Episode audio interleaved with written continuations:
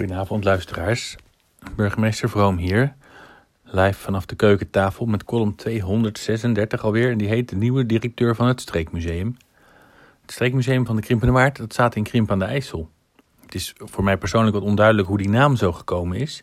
Hebben wij in Krimpen nou bedacht, kom we doen er eentje voor de hele polder? Of dachten ze destijds dat de buurgemeente ook dan meer zouden meebetalen als we het voor de hele Krimpenerwaard zouden benoemen ook? Ja, in ieder geval, ik vind het een hele mooie plek in ons dorp. Kijk, en het bewaart een heel belangrijk deel van onze geschiedenis. En het is er ook gewoon gezellig. Er zijn mensen getrouwd, dan kun je er haitieën. Dus zodra dat weer mag, ga erheen, doe het. Het museum is vanaf deze week ook open voor bezoek weer. Het is de moeite waard. En ja, daarnaast is de tuin ook echt heerlijk met dit weer.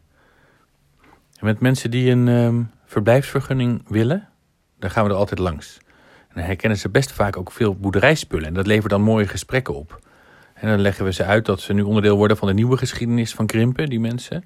Maar dat ze er ook hard voor moeten werken. Het Streekmuseum heeft sinds kort weer een nieuwe directeur. En met de gemeenteraad hadden we met haar een digitale borrel. Dat was echt heel leuk en gezellig. Een hele mooie introductie van Hilde. Dus als u denkt, wie is Hilde? Ga er een keer langs. Het Streekmuseum is echt om de hoek.